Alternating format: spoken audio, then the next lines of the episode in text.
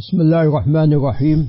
الحمد لله رب العالمين وأصلي وأسلم على نبينا محمد وعلى آله وأصحابه والتابعين لهم بإحسان إلى يوم الدين. أما بعد قال الإمام أبو عيسى الترمذي رحمه الله تعالى في كتابه الجامع. قال باب ما جاء في حد بلوغ الرجل ومتى يفرض له.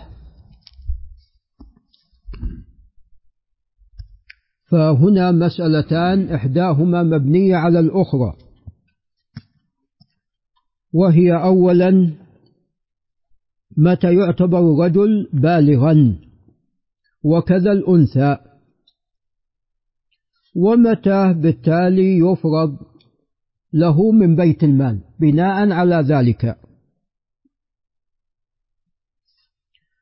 فبالنسبة للبلوغ بالنسبة للرجل هناك علامات. إذا وجد أحد هذه العلامات أو وجدت إحدى هذه العلامات فهنا يكون بالغا. إما بإنزال المني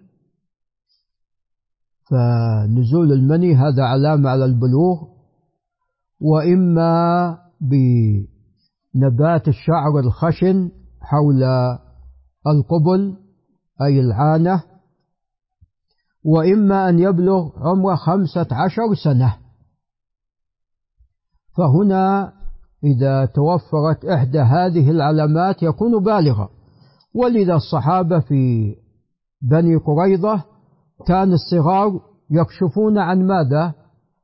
عن عوراتهم. يكشفون عن عوراتهم. يعني قد قد ما يستطيعون تحديد عمره وقد هو لا يخبر عن عمره. نعم. فلم يبقى إلا علامة نبوت الشعر الخشن. فكانوا يكشفون عن عوراتهم. فمن أنبت قتل ومن لم ينبت لا يقتل. نعم. فهذه علامات البلوغ بالنسبة للرجل كما بوب أبو عيسى هنا. قال حدثنا محمد بن الوزير الواسطي وهو محمد بن الوزير بن قيس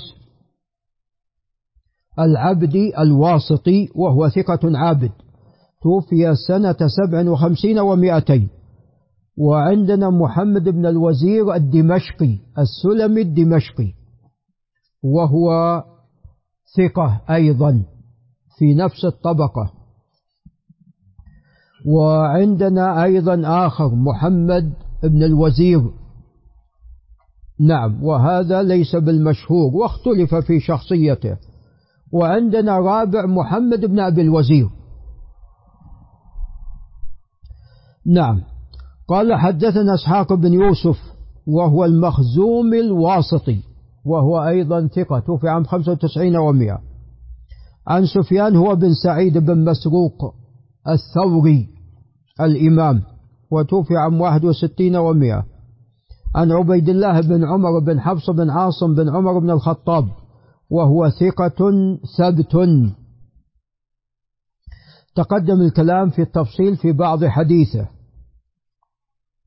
توفي بعد الأربعين ومئة. قال عن نافع مولى عبد الله بن عمر وهو ثقة ثبت فقيه توفي عام سبعة عشر ومئة. قال عن ابن عمر رضي الله عنهما قال عرضت على رسول الله صلى الله عليه وسلم في جيش وأنا ابن أربع عشرة. قال فلم يقبلني. ثم عرضت عليه من قابل في جيش وأنا ابن خمس عشرة فقبلني. فكأنه عليه الصلاة والسلام جعل بلوغ الخامس عشرة حد فاصل ما بين البالغ وغير البالغ. قال نافع فحدثت بهذا الحديث عمر بن عبد العزيز فقال هذا حد ما بين الصغير والكبير. ثم كتب أن يفرض لمن بلغ الخمسة عشرة يفرض له, يفرض له من بيت مال المسلمين. وهذا الحديث حديث صحيح وقد تقدم لنا فيما سبق برقم 1411 أيضا بنفس الإسناد.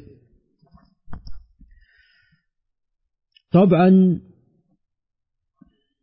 وساقه أيضا بإسناد آخر هو أيضا بنفس الإسناد الذي سوف يأتينا. ثم قال أبو عيسى بعد الإسناد الثاني قال هذا حديث حسن صحيح وليس فيه غريب وهنا قال غريب. وطبعا هو غريب من حديث سفيان الثوري. هو غريب من حديث سفيان الثوري. ولذا قد خرجه الشيخان البخاري ومسلم. البخاري من حديث أبي أسامة ومسلم من حديث ابن نمير كلاهما عن عبيد الله. نعم فهو حديث مشهور. وأخرجه البخاري أيضا من طريق القطان عن عبيد الله. وفي رواية القطان فأجازه. وأخرجه مسلم من طرق أخرى بعد طريق ابن نمير. نعم وقال بهذا الإسناد ولم يسق لفظه. نعم. فغريب هو من حديث الثوري لا غريب من حيث الإطلاق. نعم. فهذا الحديث حديث صحيح. قال أبو عيسى بعد أن ساقه في طبعا ما تقدم في 1411 قال والعمل على هذا عند أهل العلم وبه يقول سفيان الثوري وابن المبارك والشافعي وأحمد وإسحاق يرون أن الغلام إذا استكمل خمس عشرة سنة فحكمه حكم الرجال أي البالغين وإن احتلم قبل خمس عشرة فحكمه حكم الرجال. لو بلغ لو احتلم عمر عشر سنوات يعتبر خلاص بالغ وقال أحمد وإسحاق للبلوغ ثلاث منازل يعني ثلاث علامات. بلوغ خمسة عشرة سنة أو الاحتلام فإن لم يعرف سنه ولا احتلامه فالإنبات يعني العانة. قال حدثنا ابن أبي عمر وهو العدني. توفي عام 43 و200 وهو محمد بن يحيى. قال حدثنا سفيان هو بن عيينة وتوفي عام 98 و100 قال عن عبيد الله نحوه بمعنى إلا أنه قال قال عمر هذا حد ما بين الذرية والمقاتلة يعني حد ما بين الرجال والصغار حد ما بين الكبير والصغير. قال ولم يذكر أنه كتب أن يفرض قال حديث إسحاق ابن يوسف حديث حديث إسحاق بن يوسف حديث حسن صحيح. حسن صحيح غريب من حديث سفيان الثوري. نعم فالغرابة من طريق سفيان لا الغرابة على الإطلاق. لعل أبو صفية ينتبه. قال باب ما جاء في من يستشهد وعليه دين. طبعا لا شك الشهادة مرتبة عالية ودرجة رفيعة.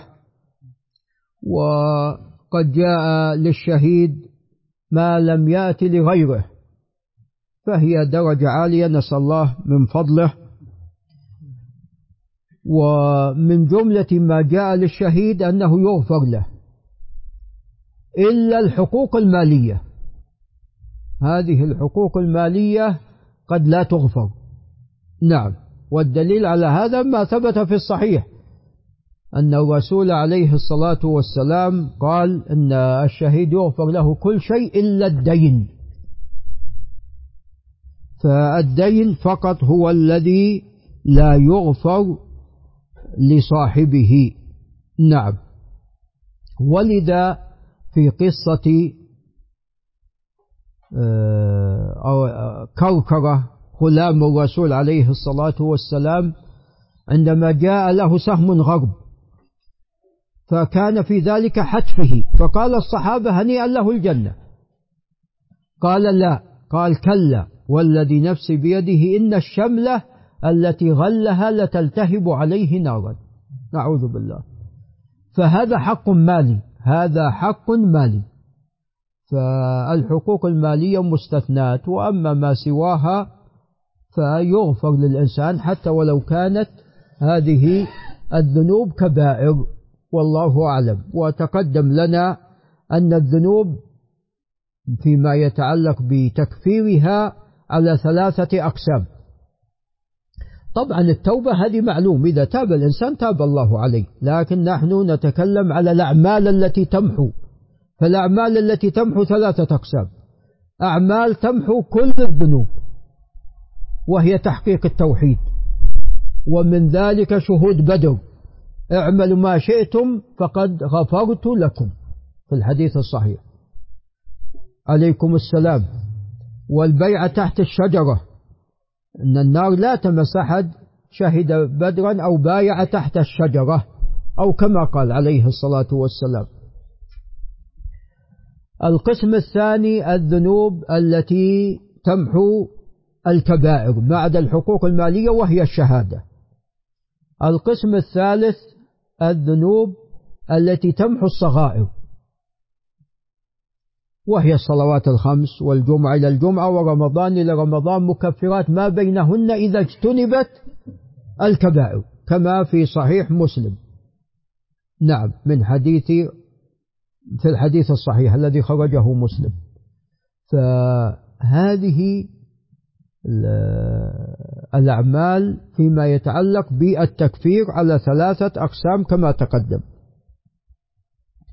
قال حدثنا قتيبة بن سعيد بن جميل بن طريف أبو رجا الثقفي وهو ثقة ثبت توفي عام أربعين ومائتين. قال حدثنا الليث هو بن سعد الفهم المصري.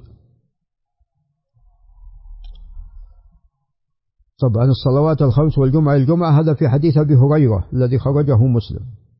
قال حدثنا الليث بن سعد الفهمي المصري وهو إمام من الأئمة في عام 75 و100 قال عن سعيد بن أبي سعيد كيسان المقبري وهو ثقة ثبت في عام 24 و100 وقد ذكر أنه اختلط لكن لم يؤثر هذا الاختلاط عليه. قال عن عبد الله بن أبي قتادة وهو ثقة من كبار التابعين. قال عن أبيه أبي قتادة الأنصاري الحارث بن ربعي الأنصاري رضي الله عنه أنه سمعه يحدث عن رسول الله صلى الله عليه وسلم أنه قام فيهم فذكر لهم أن الجهاد في سبيل الله والإيمان بالله أفضل الأعمال. فقام رجل فقال يا رسول الله أرأيت إن قتلت في سبيل الله تكفر عني خطاياي؟ فقال رسول الله صلى الله عليه وسلم نعم إن قتلت في سبيل الله وأنت صابر محتسب مقبل غير مدبر.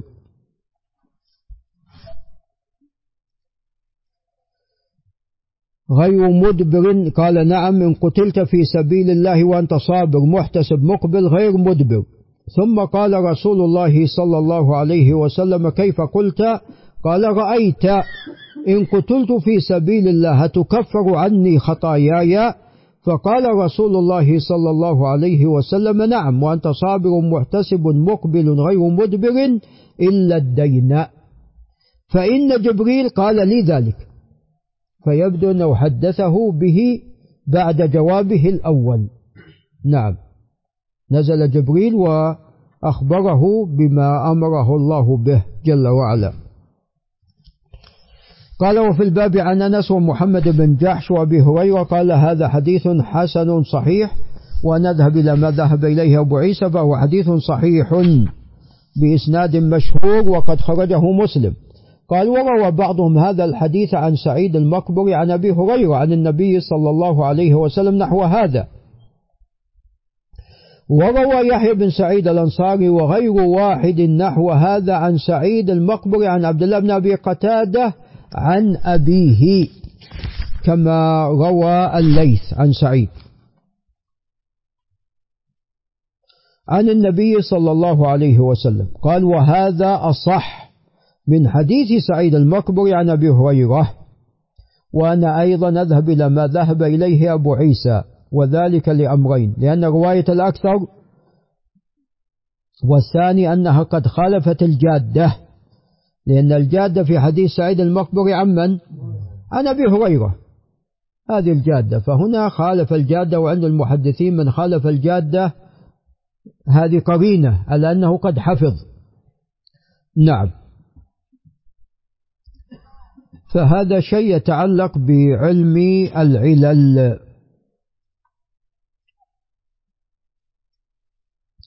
مع أن طريق أبي هريرة قد أخرجه النسائي وابن أبي عاصم وأبو يعلم من طريقين عن سعيد عن أبي هريرة. ولكن رواية من جعله عن عبد الله بن أبي قتادة أصح. قال الدار قطني في العلل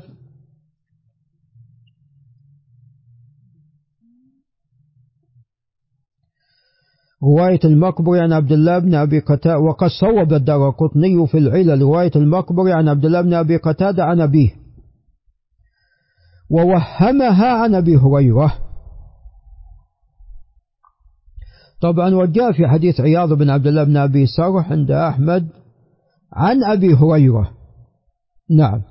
ولكن بالنسبة لرواية المقبري يعني لو قلنا بصحة رواية عياض فبالنسبة لرواية المقبري الصواب عن عبد الله بن أبي قتادة عن أبيه وليست عن أبي هريرة. نعم. وهذا كما تقدم يعني شيء يتعلق بعلم العلل والآن أبو عيسى والدار قطني قد صوب طريق آه، عبد الله طريق المقبري عن عبد الله بن أبي قتادة عن أبيه. وأنا أذهب إلى هذا لما تقدم. ولا شك يعني عندنا بارك الله فيكم الليث بن سعد وهو إمام وعندنا يحيى بن سعيد الأنصاري وقد قال أبو عيسى وغير واحد. نعم. فروايتهم هي الأرجح. نعم. وقد يكون هو الحديث جاء عن أبي هريرة لكن من طريق سعيد لا. هو عن عبد الله بن أبي قتادة عن أبيه. قال باب ما جاء في دفن الشهداء.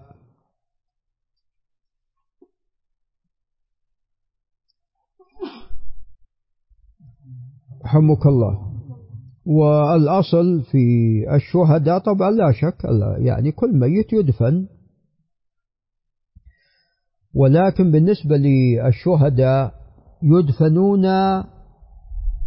في ثيابهم. ولا وجاء بأنه لم يصلي عليهم عليه الصلاة والسلام. نعم. بخلاف غيرهم فإنهم يغسلون ويكفنون. ولعل هذه الثياب يعني تكون لأن الإنسان يبعث على ماذا؟ على ما مات عليه يبعث على ما مات عليه. ولذا المحرم قال كفنوه في ثوبيه عليه الصلاة والسلام. قال نعم فإنه يبعث يوم القيامة ملبيا.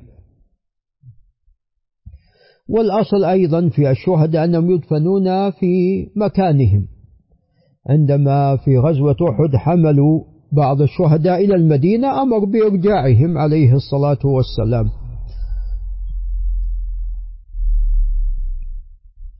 قال حدثنا أزهر بن مروان البصري وهو أزهر بن مروان الرقاش البصري وهو صدوق. قال حدثنا عبد الوارث ابن سعيد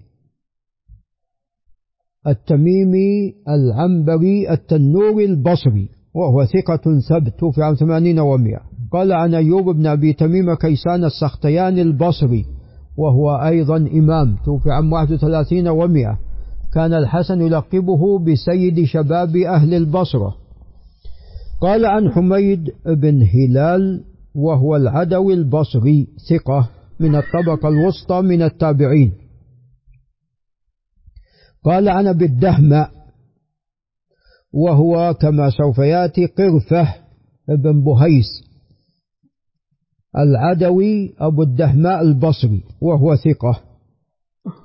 قال عن هشام بن عامر رضي الله عنه.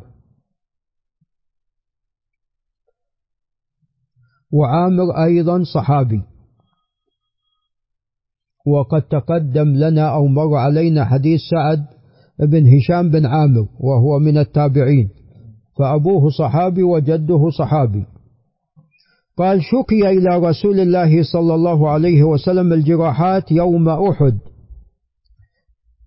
والمقصود هنا شكي له يعني كثرة الشهداء في أحد. فقال أحفروا أحفروا عفوا وأوسعوا وأحسنوا. فأمر بهذه الأشياء الثلاثة. بالحفر طبعا من أجل الدفن والتوسعة لأنه سوف يدفن أكثر من ماذا؟ من واحد في القبر. وأحسنوا أيضا القبر الإحسان فيما يتعلق بالحفر فيما يتعلق أيضا بتهيئة المكان في دفنهم. نعم. فأمرهم بالإحسان عليه الصلاة والسلام. وتعلمون الحديث الصحيح المخرج في مسلم إن الله كتب الإحسان على على كل شيء. فإذا ذبحتم فأحسنوا الذبح وإذا قتلتم فأحسنوا القتلة. فحتى في الذبح والقتل. فحتى الآن في القبور. أيضا مطلوب من الإنسان أن يحسن. نعم. في الحفر تهيئة القبر قال ود وادفنوا الاثنين والثلاثة في قبر واحد. هذا يعني الوفيات كثيرة. كأن يكون في معركة كما في أحد أو يكون في وباء. نعم. مرض عام. نعم. فلأنه يصعب. الحفر لكل واحد منهم يصعب. فلذا عليه الصلاة والسلام أمر بشيء فيه يعني تيسير عليهم ورفق بهم. فدل هذا على أنه لا بأس أن يدفن الاثنين والثلاثة في المكان الواحد. نعم وإن احتاجوا إلى أكثر والله أعلم فلا بأس لأن قد يكون خاصة مثلا في الوباء أو يعني المعارك العظيمة. قد, قد يكون القتلى يعني ألوف كثيرة. نعم. قال وقدموا أكثرهم قرآنا. إذا لصاحب القرآن مزية. نسأل الله من فضله. فنسأل الله من فضله لصاحب القرآن مزية على غيره. ولذا في حديث الزهري عن أبي الطفيل عن عمر بن الخطاب أن الرسول عليه الصلاة والسلام قال إن الله ليرفع بهذا القرآن أقواما ويضع به آخرين. فيرفع به من تمسك به وتلاه وحفظه وأكثر منه ويضع به آخرين من أعرض عنه. نعوذ بالله من ذلك. نعم. قال فمات أبي. يعني في أحد. فقدم بين يدي رجلين. نعم. لماذا قدم؟ لأنه أكثرهم قرآن. فلذا قدم. قال وفي الباب عن خباب وأنس رضي الله عنهما.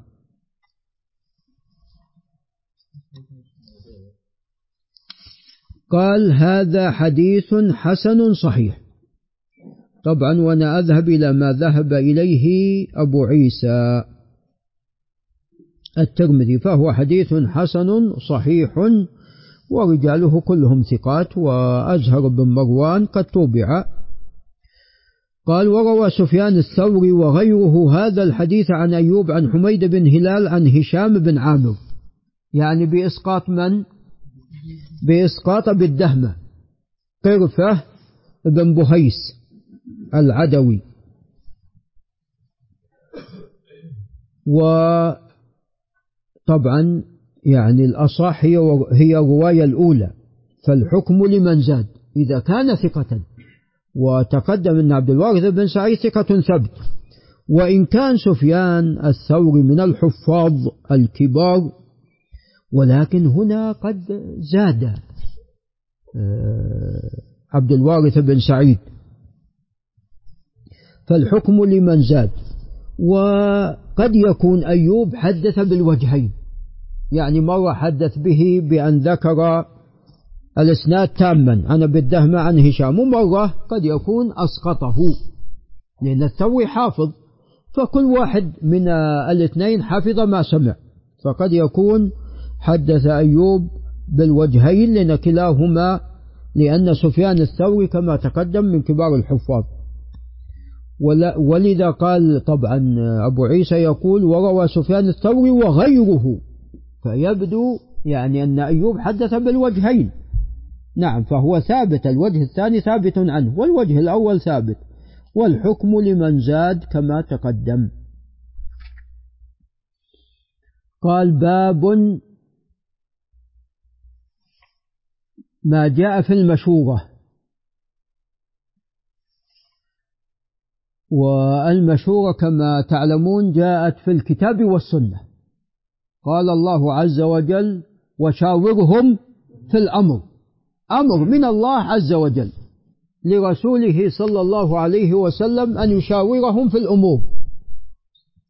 هل أمور القتال ولا كل الأمور؟ كل الأمور لأن لم تقيد بشيء. ولذا قال عز وجل وأمرهم شورى بينهم.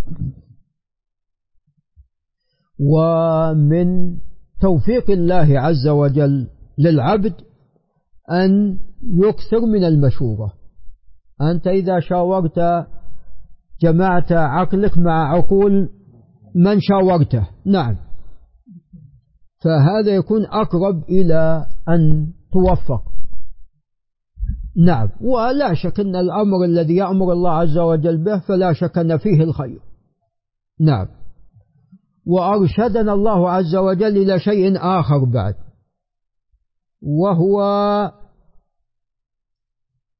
سؤال الله عز وجل. إذا هم أحدكم بالأمر فليركع ركعتين من غير الفريضة وليقل اللهم أني أستخيرك بعلمك وأستقدرك بقدرتك فإنك تعلم ولا أعلم وتقدر ولا أقدر. الحديث. نعم. وهذا عندما يكون الأمر مشكل عليك. نعم. أو أمر من أمور الدنيا التي قد لا تعلم عاقبتها. يعني مو تعلمون أن الأمور يعني مو ما في مشورة في عبادة في طاعة. هذه عليك أن تفعلها. لكن في الأمور الدنيوية أو مثلا أنت تريد أن تحج تتخذ رفقة تروح مع من؟ فهنا قد يعني تستخير الله عز وجل. تخرج في أي الأيام؟ نعم. تريد أن تتزوج بامرأة تستخير الله. تطلب الخير من الله.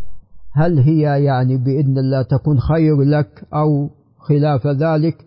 فتستخير ربك عز وجل. نعم. وأنا أعرف شخص يعني كان يكثر من الاستخارة يكثر من الاستخارة وهذا ترى من توفيق الله.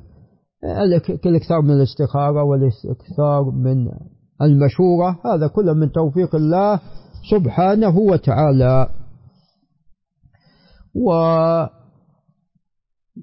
وسيدنا رسول الله صلى الله عليه وسلم كان يستخير أو عفوا كان يستشير أصحابه عليه الصلاة والسلام.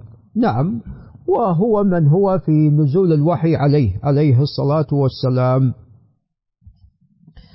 نعم والآن كما تعلمون يعني علم الناس فضل هذه المشورة ف يعني أقاموا هيئات وأقاموا مجالس مج... يعني هيئات للخبراء مجالس للشورى هيئات للعلماء. نعم. فلأن في هذا المصلحة والفائدة. نعم. ولا شك أن يعني عندما الإنسان يوفق بناس يشورون عليه بالخير هذه نعمة عظيمة. نعم هذه نعمة عظيمة. نعم. فلا شك أن وبالذات طبعا هذا يتأكد في حق لعل أبو إبراهيم ينتبه في حق الملوك والسلاطين. لعل أيضا أبو عبد العزيز ينتبه. هذا بالذات أبو عبد العزيز الشسري هذا بالذات يتأكد في حق الملوك والسلاطين. بالذات لأن المسؤولية عليهم ماذا؟ كبيرة هل ما يعني عندما الإنسان فرد يخطئ يعني قد يكون خطأ على نفسه. لكن إذا كان الآن أنت يعني ذو سلطان مسؤولية كبيرة. فبالذات يتأكد هذا في حقهم. نعم أن يشاوروا وأن يجعلوا مستشارين. نعم وخبراء وعلماء وأناس متخصصين. كل شخص في مجاله وكل شخص في مكانه. نعم. وندعوكم نفسي لأن الإنسان يكثر من المشورة والاستخارة لربه سبحانه وتعالى. نعم. قال حدثنا هناد هو ابن السري أبو السري التميمي الكوفي وهو ثقة عابد. توفي عام 45 و200 أو 43 43 و200 قال حدثنا أبو معاوية محمد بن خازم السعدي الضرير الكوفي توفي عام 95 و100 قال عن الأعمش سليمان بن مهران الأسد الكاهلي الكوفي توفي عام 47 و100 قال عن عمرو بن مرة المراد الجملي وهو ثقة جليل كوفي. قال طبعا هذا إسناد كله كوفي. عن طبعا أبو معاوية عن الأعمش تقدم عن عمرو مره عن أبي عبيدة وهو كوفي. أبي عبيدة بن عبد الله بن مسعود. وهو ثقة كوفي توفي عام 83 وهو لم يسمع من أبيه. إنما الذي سمع عبد الرحمن بن عبد الله بن مسعود. عن عبد الله بن مسعود رضي الله عنه قال لما كان يوم بدر وجيء بالأسارى قال رسول الله صلى الله عليه وسلم ما تقولون في هؤلاء الأسارى؟ قال وذكر قصة. نعم والقصة معلومة وهذا أشار الله عز وجل إليها في كتابه العظيم سبحانه وتعالى في سورة الأنفال. قال وفي الباب عن عمر وأبي أيوب وأنس وأبي هريرة قال هذا حديث حسن وأبو عبيدة لم يسمع من أبيه. نعم وهذا يدل على ما تقدم أن تحسين بعيسى ليس على بابه. فهنا قال حسن وعله بالانقطاع. يعني قد يقول قائل إنه حسنه لغيره.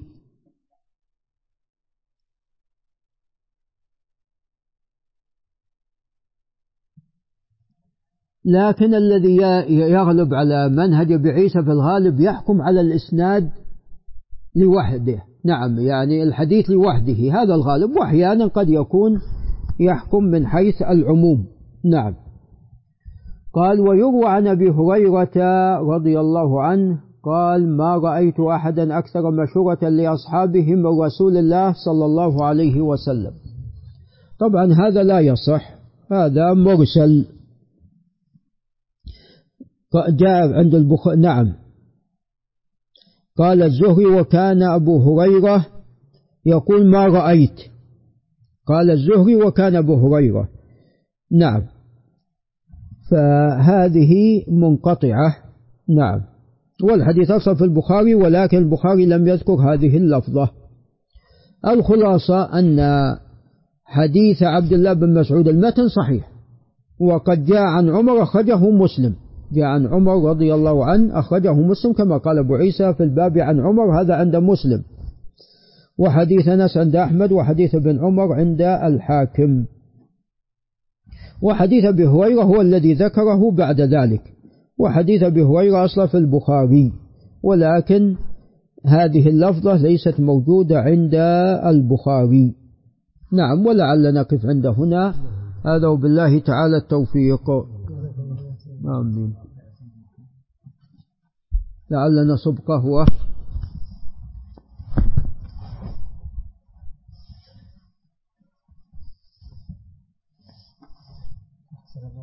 نعم. بخارة الصاعقة لما جاء عن البخاري مثلا إنه كان يستخير قبل أن يوضع الحديث. إيه. هل هذا يكون من باب؟ هذا لا يعني في صحته. هذا يعني يتعلق في صحته والتصنيف. اي يتعلق في الصحة والتصنيف. لا ليس فيه. الطاعة عليك أن تفعلها في الصحة والتصنيف. في تمر ترى عندكم. بسم الله.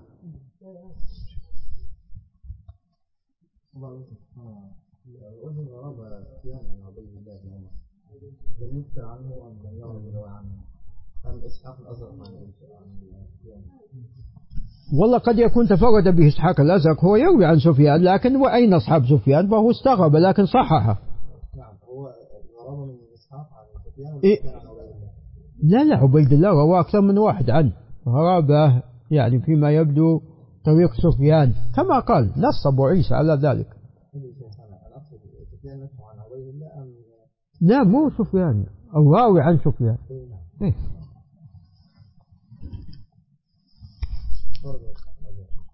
نعم.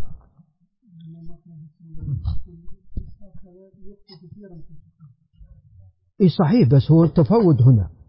اي ولا هو ثقة مشهور؟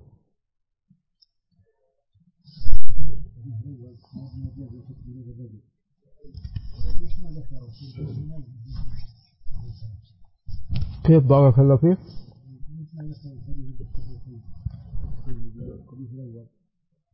هو كتابة كتاب علم يريد أن يبين إيه، نعم. نعم نعم. فهو يريد أن يبين العلة يريد أن يبين الانقطاع الاختلاف.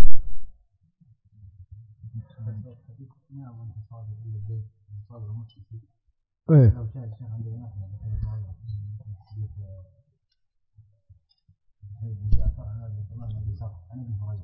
إيه. والله هو تقدم يعني هذا إذا حنا صححناه وهو قوي لكن من حديث المقبري لا ليس عن أبي هريرة. كما تقدم. حديث المقبري إنما هو عن عبد الله بن أبي قتادة. نعم عن أبي. هذا في حديث المقبري. نعم.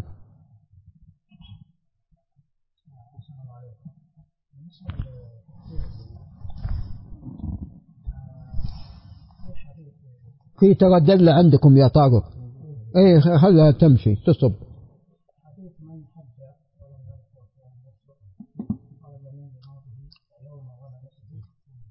نعم.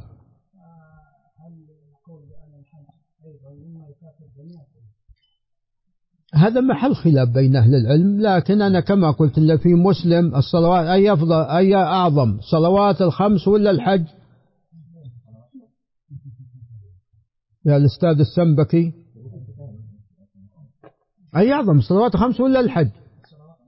صلوات الخمس. طيب إذا كان صلوات الخمس والجمعة إلى الجمعة ورمضان إلى رمضان مكفرات ما بينهن إذا اجتنبت الكبائر. إذا باقي الأعمال أيضا. نعم. أي. إيه يدخل فيها نعم. يدخل يعني يدخل لنا صلوات الخمس ورمضان. مع الجمعة إلى الجمعة لا شك أعظم. أعظم. يدخل فيها. وهذا مذهب الجمهور يا شيخ حسن.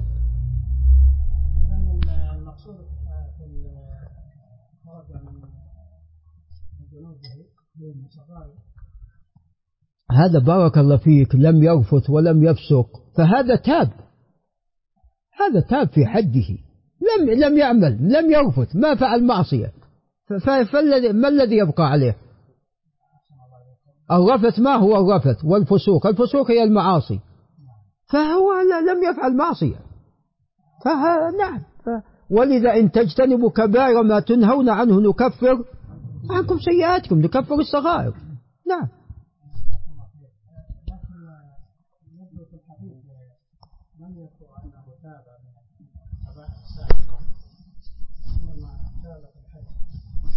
طيب تاب في الحج الحمد لله خلاص.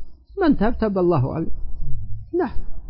من تاب تاب الله عليه. المهم المسألة هذا اختياري والمسألة الحافظ بن حجر ألف رسالة قوة الحجاج في عموم المغفرة للحج. قوة الحجاج في عموم المغفرة للحج وهي مطبوعة. وذكر طبعا هو رجح أن حتى كبار الذنوب. وذكر حديث بارك الله فيكم حديث العباس بن مقداس وغيره. وفي الدلالة طبعا هي من حيث الإسناد فيها ضعف أو يعني الحديث أبي هريرة في الصحيحين صح فهي فيها كلام. وذكر المنذر في الترغيب والترهيب أيضا أكثر من حديث. فيها النص على الكبائر فيما يتعلق بالحاج ولكن يعني بعضها لا يخلو من كلام. فالمسألة المهم أن نتمنى أن الله عز وجل يغفر جميع الذنوب. نعم نتمنى. لكن الكلام يعني في في في, في من حيث الدلالة. نعم هذا الكلام. ما في إشكال ما في إشكال. إشكال ما في. هذا اللي عندنا وخلاص. نعم هذا. قلنا لك اللي تبغى اختار ما شئت. نعم. أنا واحد يحج وما يتوب نعم أكيد. لكن يعني بعض الناس يحب الجدل. نعم. التابعي الذي لم يوثقه سوى الحبان ولا يوجد يعني كلام آخر. هل يؤخذ بكلامه؟ والله لا شك هو يستأنس يستأنس بقوله يستأنس بقوله. هو يراجع حديثه وتفرد عمن يعني الإسناد والمتن. يراجع الحديث هل هو مستقيم له شواهد؟ نعم. السنة. أيوب. عن عبد الله بن خليفة عن عمر بن الخطاب رضي الله عنه إذا إيه. جلس الرب لا هذا ما يصح. منقطع منقطع اي منقطع ما ما بين عبد الله بن خليفه وعمر منقطع لم يسمع منه. اي اي إيه لم يسمع لم يسمع. لا منقطع نعم.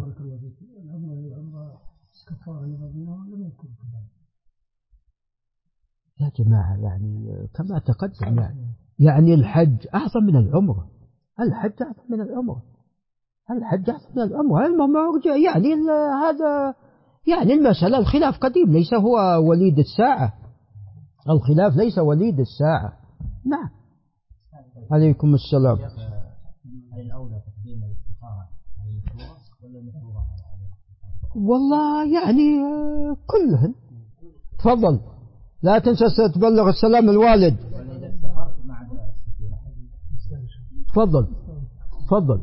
لا لا ما في مانع من الاستخارة لا شك يعني الإنسان إذا انشرح قلبه بعد استخارة خلاص خليه يعزم ويتوكل. نعم. عليكم السلام. مر معنا هو الحديث وأنا ابن 14 وأنا ابن 15 إيه. هل معنى أنه دار في الاشهر 12 شهر 15 مرة؟ أنا أتبع في الفاظ يعني احاديث ثانية مروا ابنائكم اتى ببلوغ هل بلوغ تدور 12 شهر سبع مرات انها ست مرات انها ثمان مرات السنة 12 شهر. هذه السنة. يقولون إنها ببلوغ من السنة السابعة. وقالوا لا انه ينتهي من السنة السابعة فيدخل في الثانية. لا إذا بلغ إذا دخل إيه أنت تقصد هذا بارك الله فيك. إيه. هذا بارك الله فيك يعني الآن عمره ست سنوات. و ستة أشهر هذا عمره ست سنوات ونصف. ما بلغ سبع. حتى يكمل السبع. حتى يكمل السبع. نعم. يعني شيخ نقول إنها ست سنوات 12 شهر إيه حتى يكمل السبع. ست سنوات وشهر شهرين حتى يكمل السبع. حتى يعني في ال- الفقهاء يعني يقولون بلوغ بلوغ ست ففي إشكال. أنت إذا قلنا بلوغ سبع بعد ما بلغ سبع عمره مثلا ست سنوات وستة أشهر سبعة أشهر ثمانية أشهر. نعم ما بلغ سبع. نقول السنة الأولى تعتبر رقم واحد. إي إي نعم نعم رقم واحد.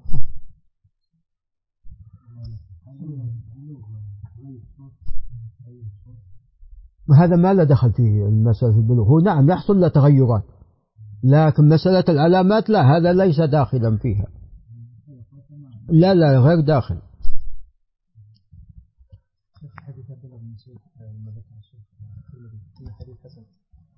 قبل قال في عن الصحابة هل هذا دليل على أن قوله يروى من غير وجه يعني الصحابة آخرين ولا لازم من الصحابة؟ والله هو غالب كان كما ذكرت غالب أحكامه على نفس الحديث. وأحيانا نعم يحكم على الحديث من حيث العموم.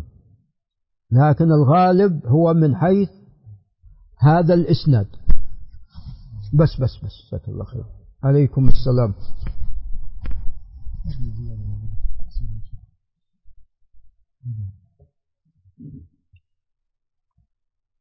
إي نعم يعني في نصرة وزيادة جابر.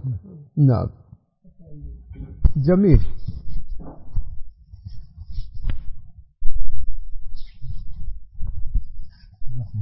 بارك الله فيك. آمين.